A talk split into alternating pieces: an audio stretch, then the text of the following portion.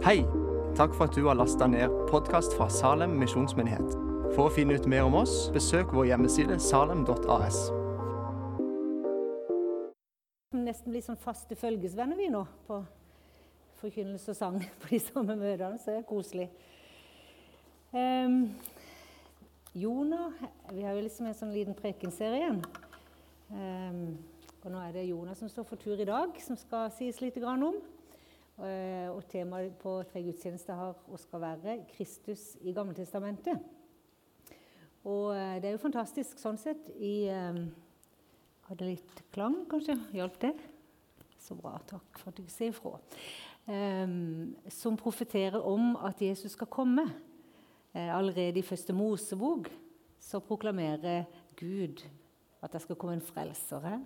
Jesaja, Zakaria og Vi leser det opp igjennom i de profetiske bøkene som på en måte henspeiler til det som skjedde eh, for 2000 år siden når Jesus ble født. Er ikke det fantastisk? Det er jo hundrevis av år eh, med historie som bekreftes når Jesus kommer. Og Jonah han er òg en sånn eh, Det er også et bilde der på Jesu døde oppstandelse som vi skal se litt på. Så jeg har lyst til å lese fra Jonah kapittel 1 vers 1-5. Der står det Herrens ord kom til Jonah, sønn av Amitai, og det lød så. Stå opp og gå til storbyen Nineve og rop ut over den at jeg har sett ondskapen der. Jonah gjorde seg klar til å rømme for Herren, til Tarsis. Han dro ned til Jaffa og fant et skip som skulle dit. Så betalte han for reisen og gikk om bord. Han ville være med til Tarsis, bort fra Herren. Men Herren sendte en sterk storm over havet. Det blåste så hardt at skipet holdt på å bli knust. Da ble sjømennene redde og ropte hver på sin gud. Og for å lette skipet kastet de lastene som var om bord på sjøen. Jonah var gått ned i skipet og lå og sov fast. Så leser vi fra Jonah 2, vers 1-10. Herren sendte en stor fisk som slukte Jonah, og han var i fiskens buk i tre dager og tre netter. Jonah ba til Herren sin Gud fra fiskens buk. Han sa, jeg kalte på Herren i min nød, og han bønnhørte meg. Jeg ropte fra dødsriggets dyp, og du hørte min røst. Du kastet meg i dypet midt på havet, og strømmene omga meg. Dine brenninger og bølger slo alle over meg. Jeg tenkte, jeg har støtt bort fra deg, skal jeg aldri mer få se ditt hellige tempel.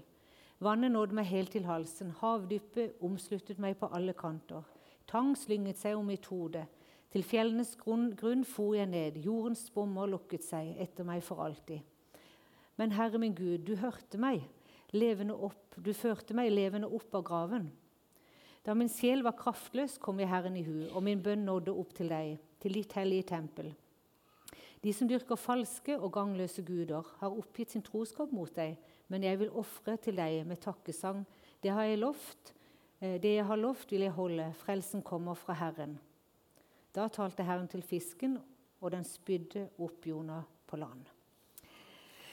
Er jo litt av en historie, og på mange måter er jo den kjent fra søndagsskolen. og Vi ser jo for oss flanellografen med en gang ikke sant, på den historien. Eh, og det er veldig fint, det. Det er jo en eh, spennende historie både for barn, barn, og voksne, men det er jo en veldig sånn dyptliggende eh, undertone også i det som, som skjer her.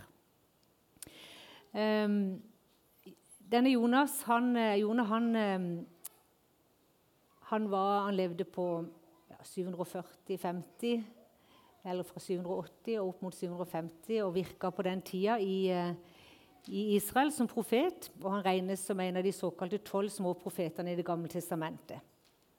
Og han er definitivt hovedpersonen i, Jonah-boken. Egentlig er hele boka en historie om han. Eh, sannsynligvis er det noen andre som har skrevet den boka. Han har skrevet den i tredje person, så de regner med at noen andre har skrevet den, men det handler om Jonah og hans eh, eh si, tiltale fra Gud, egentlig. Um, han regnes for øvrig også som den uh, eneste sånn sett, gammeltestamentlige misjonæren. Han ble sendt til et annet land med et budskap uh, fra Gud. Det som altså Temaet for i dag, eller En av headingene var en forkynners ulydighet. Jeg må innrømme at jeg tror ikke jeg kommer til å fokusere bare på ulydighetene, for det syns jeg var så trist. Men det var jo noe veldig spesielt med Jonah når han valgte å Rett og slett når Gud talte til han, så valgte han å gå motsatt vei. Han reiste til Tarsis istedenfor å gå til Ninive.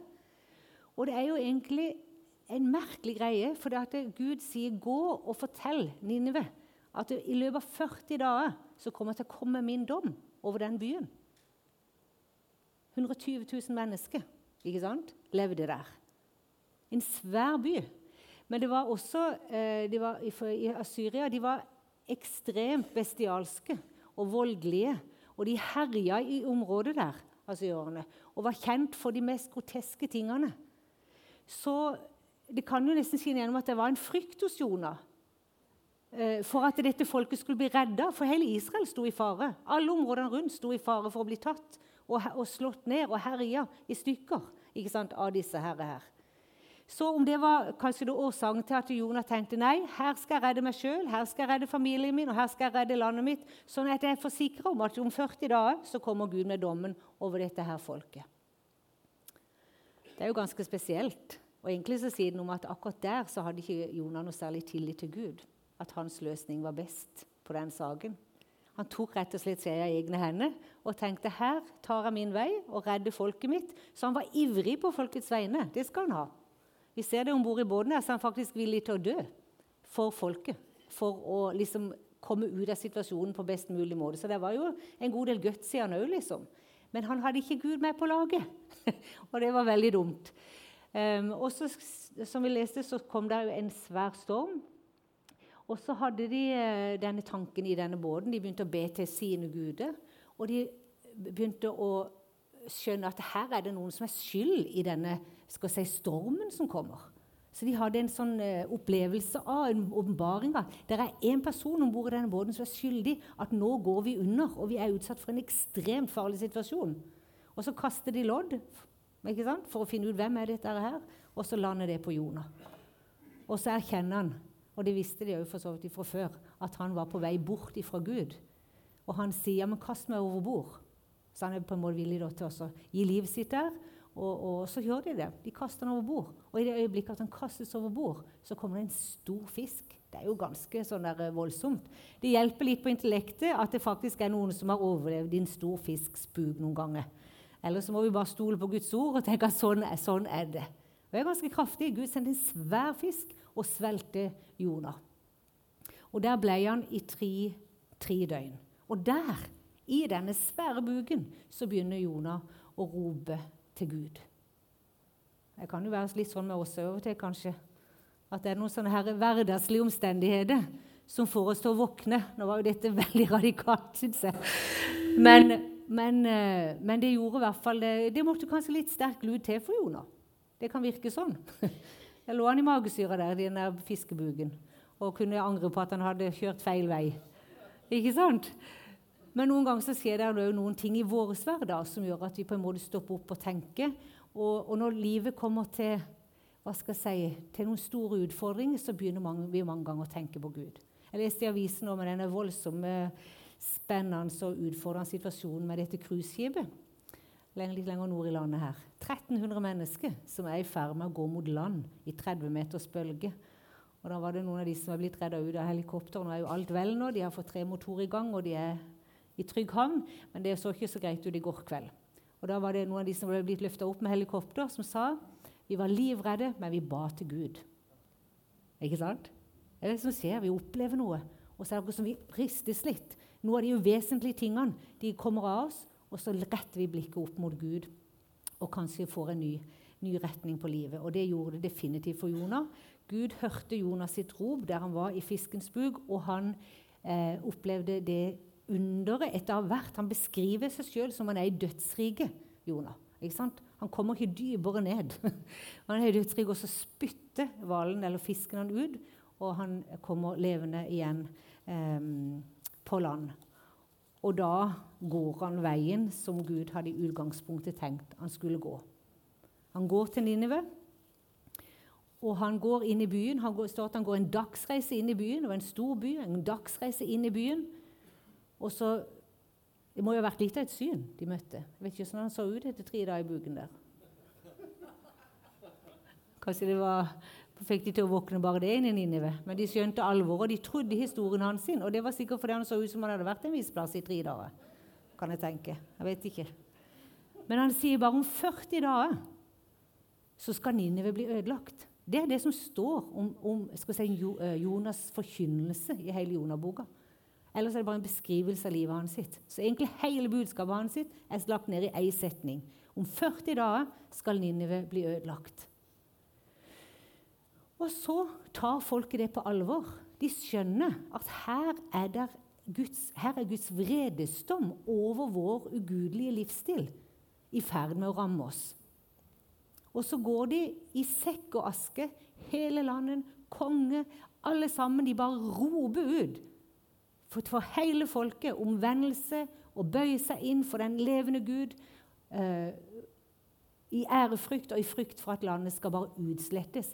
Og vet du hva Jonah gjør? Ha, Type 2B, altså. Han setter opp et telt opp på en fjelltopp. Der lager han et, palme, et hus av palmegreiner. Og hvorfor setter han seg der? For å se at byen skal ødelegges. For en type! Der sitter han med beina i kryss og venter på at dette folket som han hater, og som han ikke kan fordra, og som han håper skal bli sletta med jorda Jeg ble helt forfjamsa, han der. altså. Det er jo helt ufattelig elendig. Han sitter der bare og ser på at, Gud skal skulle, at han, han trodde at Ninevi kom til å bli ødelagt. Og det som da blir si, en forskrekkelse for Jonah, og som han blir faktisk sint på Gud for, det er at Gud han bevarte, han sparte folket i Ninive. Og Så viser Gud seg for Jonah enda en gang. Han lar det vokse opp i tre på kvelden der, og morgenen er det dødt igjen. Så Gud griper inn på masse mirakelløse vis for Jonah for å være han til stede. Og det er Jonah etter dette har skjedd, tenker på.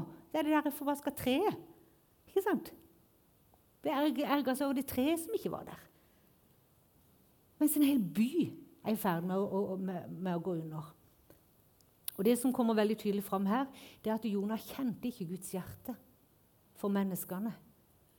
Verken for sitt eget folk, Israel, eller for hedningene, asyrerne der. Gud hadde en helt annen tanke, en helt annen tilnærming til ondskapen og ulydigheten og gudeligheten enn det Jonah bar i sitt hjerte. Så her kommer Guds barmhjertighet til syne på en veldig sterk og fin måte. Men så har vi sammenligninger, da, for dette er jo på mange måter ganske betegnende. Og det eh, Vi leser òg i Matteus. 12.39-40 så står det Men han svarte dem, en ond og utro slekt krever tegn, men den skal ikke få noe annet enn tegn enn Jonategnet. For som profeten Jonah var tre dager og tre netter i den store fiskens buk, slik skal menneskesønnen være tre dager og tre netter i jordens dyp. Så her henspeiler Jesus sjøl til denne hendelsen som skjedde med Jonah. Og det kalles, uh, det, Dette med at han var tre dager i fiskens buk og ble spytta ut igjen, det er det som kalles Jonah-tegnet. På Jesu oppstandelse, eh, Jesu døde oppstandelse. Uh, jeg har lyst til å lese noen vers fra Kolosserbrevet 2, 13-15. Der står det dere var døde på grunn av deres synder, uomskåret som dere var på deres onde natur. Men han gjorde dere levende sammen med Kristus idet han tilga oss alle våre synder.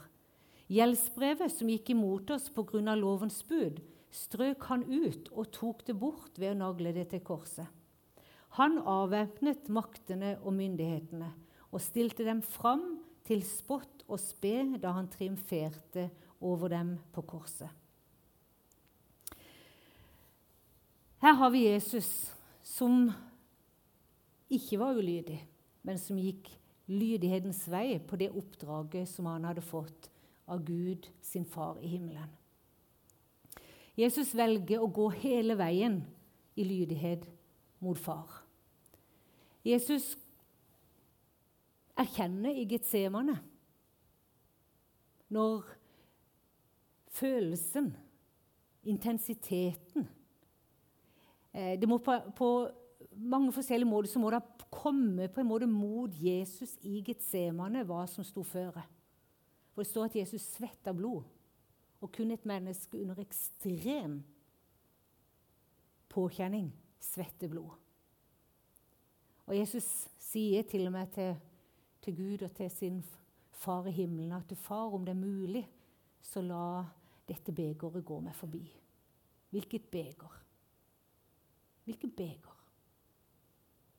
Jeg har sett det for mitt liv at det var mitt ansikt, det var mitt liv Jesus så inni. Det var min synd, det var mine sykdommer, det var min smerte, det var mine misgjerninger. Det var mine tap, det var mislyk, min mislykkethet. Jeg tror det er helt bibelsk å tenke at hver og en av oss kan tenke her i formiddag. Når Jesus så inn i det begeret, så så han mitt og ditt ansikt. Og ikke bare så han ansiktet, men han, høres, han hørte stemmen vår. Han så livene våre. Han så alt som kom til å skje. Han så alt det vi kom til å gjøre. Han så alt det som andre ville komme til å gjøre med oss. Og så feiser han det på en måte. Han ser det i Getsemane. Og så sier han til far om det er mulig, så la dette begeret gå meg forbi. Men så sier han heldigvis ikke som jeg vil, men som du vil, Gud. Valgte Jesus lydigheten mot Faderen, mot oppdraget, mot, mot utsendelseshensikten hans. sin. Og Jeg tenker jo på Jesus når han gikk via Dolorosa. Ja. De ble spotta, han ble hånt måtte bære denne svære trestokken. ikke sant? Han ble svære tornekron med lange tornepigger. ikke sant? Presses nedover hodet hans sitt. Og Jesus, det var jo på en måte, Den fysiske smerten var jo enorm. Og hån og bespottelsen var helt forferdelig for han som var Gudes sønn. Han var kongenes konge, herrenes herre. Han var Guds sønn. Og bare ble most inn i mindreverdighet og bespottelse. Så det var én ting. Men Jesus visste at her så det enda mer på spill. Her, her, her, går mot, her, går jeg mot, verdens straffedom. Her går jeg mot dette korset hvor jeg skal forlates av min far i himmelen. Ikke sant? Det er det som skjer. Så tenk, Hvem var det du så Jesus via Dolorosa? Vet du, Han så det, og han så meg, og han så alle de menneskene som ennå ikke kjenner far. Han så dem når han gikk der. Når han gikk denne vanvittige gangen opp mot det korstreet, så så han, så bar han mennesket. Han bar kjærligheten til mennesket i sitt hjerte så mye at han bare fullførte faktisk løpet. Han fullførte vandringen sin opp til Gålgata. Hvis du er Gud, stig ned av korset. Hvis du er den du sier du er, ikke sant? Kom igjen, vis, vis din makt, vis din herlighet. Jesus sto ut løpet. Ikke sant? Han sto ut løpet. Der og da så lot Gud denne dommen han ville skulle ha gått over Ninive, men som han sparte det for. Denne vredesdommen over synd og ugudelighet. Vet du, Gud er en hellig Gud. Gud er hellig. Vi kan ikke lefle med Gud. Vi kan ikke si at det er noe som Gud sier, er ureint plutselig blir rent. Vi kan ikke leke med Guds ord og late som om vi kan sette oss over denne boka. Gud er hellig. Gud er hellig, Han tåler faktisk ikke synd. Tenk på det, Han tåler ikke synd. Og så sender han Jesus som den eneste redninga for menneskeheten. At vi skulle få lov til å bli ikledd en annen. Sånn at Guds straffedom, som hang over livene våre, som hang over Ninive. Det var snakk om få dager før Guds vredesdom skulle feie hele folket ut. Ikke sant? Og den samme vredesdommen den har hengt over mitt og ditt liv. Og dette så Jesus. Dette bar Jesus. Dette gikk Jesus i møte med med åpne øyne, med et åpent hjerte. Vi har en Gud som, en Gud som, som, som, vi har en Gud som, som led. Vi har en Gud som lider. Ikke sant? Det, hvem andre Gud i denne verden er det som er en lidende Gud? Jeg kan ikke komme på noen andre religioner som har en Gud som fornedrer seg, som har en Gud som bøyer seg ned til menneskeheten. En Gud som er i smerte, en Gud som identifiserer seg 100% med enhver smerte, med enhver synd, han som ikke visste av synd, ble gjort til synd. Du snakker om å gå inn i mørket. Var det rart det ble mørkt? Stummende mørkt, står det at det ble. Det kom et stort, svart skydekke. Hvorfor det? Jo, for Jesus gikk inn i det dypeste mørket. Han gikk inn i 100% identifisering med du og meg.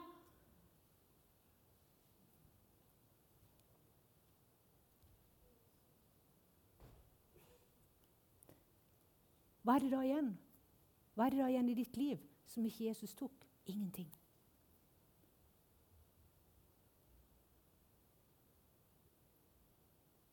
Jesus roper på korset, 'Min Gud, min Gud, hvorfor har du forlatt meg?' Kan du tenke? Gudesønnen, som har levd med Faderen siden tidenes morgen, opplever det skrekkscenarioet at selve Gud vender han ryggen. Forlate han. Han opplever å bli forlatt der på korset. Så står det at Jesus for ned til dødsriket. Hvordan Jonas var i. Jonas var i tre dager i fiskens buk. Jesus for ned i dødsriket.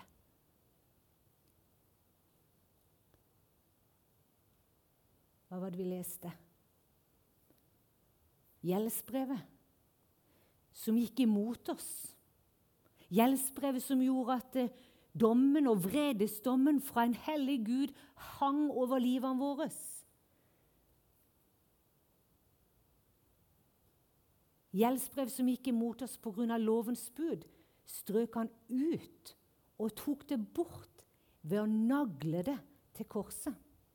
Så står det her han avvæpnet maktene og myndighetene og stilte dem fram til spott og spe da han triumferte over dem på korset. Hva skjedde? Halleluja, sier jeg bare. Det, vet, det var ikke en makt i himmelen. Det var ingen makt på jorden. Det var ingen makt under jorden eller i dødsriket som kunne stå seg mot den seieren som Jesus vant når Gud reiste han opp igjen fra de døde den tredje dag. Hæ? Det er verdt et absolutt et halleluja. Det var ikke en ting det var ikke et navn som kan nevnes på denne jorda, i himmelen eller under jorda, som ikke Jesus triumferte over. Vet du hva Han gjorde? Han stilte de til spott og spe. Fienden kalles faktisk fluenes herre. Der er han i sitt rette regjeringsposisjon. Ikke sant? Jesus triumferte. Han la alt under sine føtter. Ikke sant? Hva er en triumf? Hva er en seier? Hva er en, hær som hadde inntatt et område? Kjørte gjennom området med hest og kjerre og verdisag og alt det de hadde på en måte inntatt. Og så triumferte de over fienden. Det er bare et svakt bilde på hva Jesus triumferte over. Når han avvæpna makt og myndigheter, når han vant et, se for meg, når han gikk ned i dødsriket Det var ikke et kne som ikke måtte bøye seg. Det var ikke en ting som ikke måtte bøye sine kne. Hvorfor? Jo, fordi han som var kongenes konge, han var lydig. Han gikk den hele veien. Han bar alle våre ting. Han frelste hele menneskeheten. Han åpna veien for at ethvert menneske som er villig til å tro på dette budskapet, skal få lov til å bli frelst. Bli redda for evigheten. Sånn som det står. Jesus skulle oppstå etter den tredje dagen. Og det gjorde han i sannhet.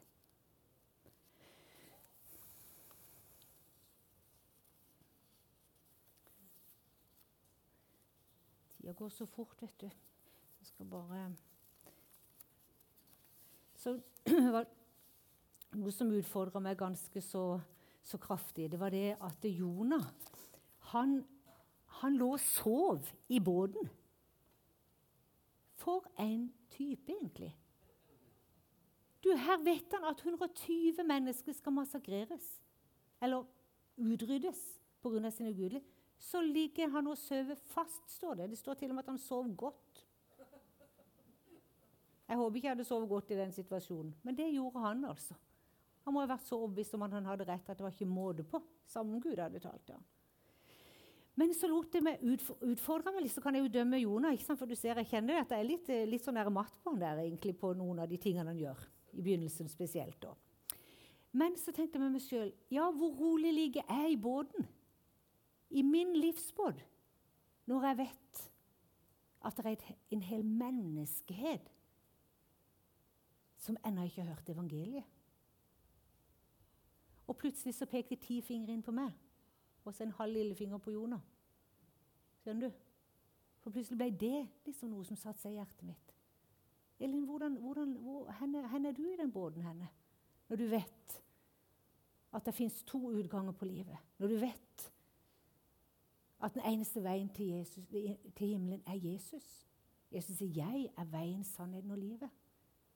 Når vi vet at det der er mennesker nær oss, litt lenger borte fra oss, i andre byer, i landet vårt, i andre nasjoner, som bare venter på å høre dette budskapet om Jesus. Og så ble det en liten sånn omvendelsestanke for meg, og jeg har lyst til å være i den en stund. Og si, 'Jesus, tilgi meg at jeg sover så godt.' Tilgi meg, Jesus, at jeg kan være så rolig. Tilgi meg, Jesus, at jeg kan være så likegyldig. Tilgi meg, Jesus, at uh, at det er sånn som det er. Jeg ønsker å være vågen, jeg ønsker å være lydig, jeg ønsker å gå. For Jonah fikk et budskap å gå med. Jesus hadde et budskap til hele verden. Men så sier han, 'Meg er gitt all makt i himmel og på jord'. Gå derfor ut og gjør alle folkeslag til disipler, idet dere døper dem til Faderens, Sønnens og Den hellige ånds navn, og lær dem å holde alt jeg har befalt dere. Og se, jeg er med dere alle dager inntil verdens ende. Vi kan tenke hva ville ha skjedd hvis Jonah ikke hadde gått den andre gangen? Ninevefolket hadde blitt utsletta. Hva ville ha skjedd hvis ikke Jesus hadde vært lydig? Vi hadde vært fortapt. Skal vi ta den utfordringen her i formiddag? Til at nå er det vi som er kalt til å gå med dette frihetens budskap, frigjøringsbudskap, kjærlighetens budskap til alle mennesker. Du vet, Jonas syntes de der menneskene i Nini var så ugudelige at han tok på seg liksom, liksom selvrettferdighetskappe og tenkte de kan like godt bare dø. Men Gud hadde barmhjertighet selv med de. Ikke sant? Selv om de var med noe av de mest bestialske i datiden, så så Gud i nåde med de. Og det hjertet trenger vi òg å ha. At det er ingen menneske som har gjort så mye galt, eller som er så langt borte fra Gud intellektuelt, eller som har skitna til livet sitt på en eller annen måte, som er så ille at Gud ikke lar sin barmhjertighet komme rundt dem og under dem. Er ikke det godt å tenke på for de som vi er glad i? At det er ingen av de som er så elendige at ikke Gud er ute etter dem. Det er ingen av de som er så elendige at ikke han etterjager dem med godhet og miskunnhet. Og du vet disse, de som ennå ikke tror, og som kanskje veldig mange føler de ikke er gode nok til å bli frelst, til å passe inn i den kristne ramma. Vi, vi, er jo så av fire, liksom. Og mange tror at vi må være så av fire for å passe inn. Men hvis hvis det var alle kristne i Kristiansand, holdt det på å si, ett etterjager de som ennå ikke tror, med kjærlighet og godhet og følelsen av du er verdifull. Kommer du hjem til meg en tur? Jeg syns det er så bra, du har så mange kvaliteter. Kom igjen, heia deg, ikke sant? Og så bare drar de inn, og så blir helt uimotståelige, for de merker denne godheten fra Gud. Som ikke som ser gjennom de skitne klærne. Som ser igjennom det som er blitt ødelagt. Som ser igjennom det som vi ikke fikk til. Gud fri og bevare oss til å innta en sånn raus holdning. Vi ber om frelse. Vi ber om at folk skal komme til Salem. Vi vil at skal, vi skal fylle huset. Men jeg tenker, da må vi, da må vi ut i hjertene våre, så vi har plass til de som er kanskje litt mer grovkutta enn det vi er. Forhåpentlig, eller forhåpentligvis, i hvert fall. ikke sant? At vi har plass til det originale, til det som ikke ser så pent ut, til det som ikke er så perfekt, og som, som bare er sånn som den guden som så på Ninive, som tenkte er det mulig, så skal jeg redde denne byen. Og sånn må vi også tenke i møte med de menneskene som vi treffer. Er det mulig, så, så vil Jesus redde de og frelse de til et evig liv sammen med Han. Amen.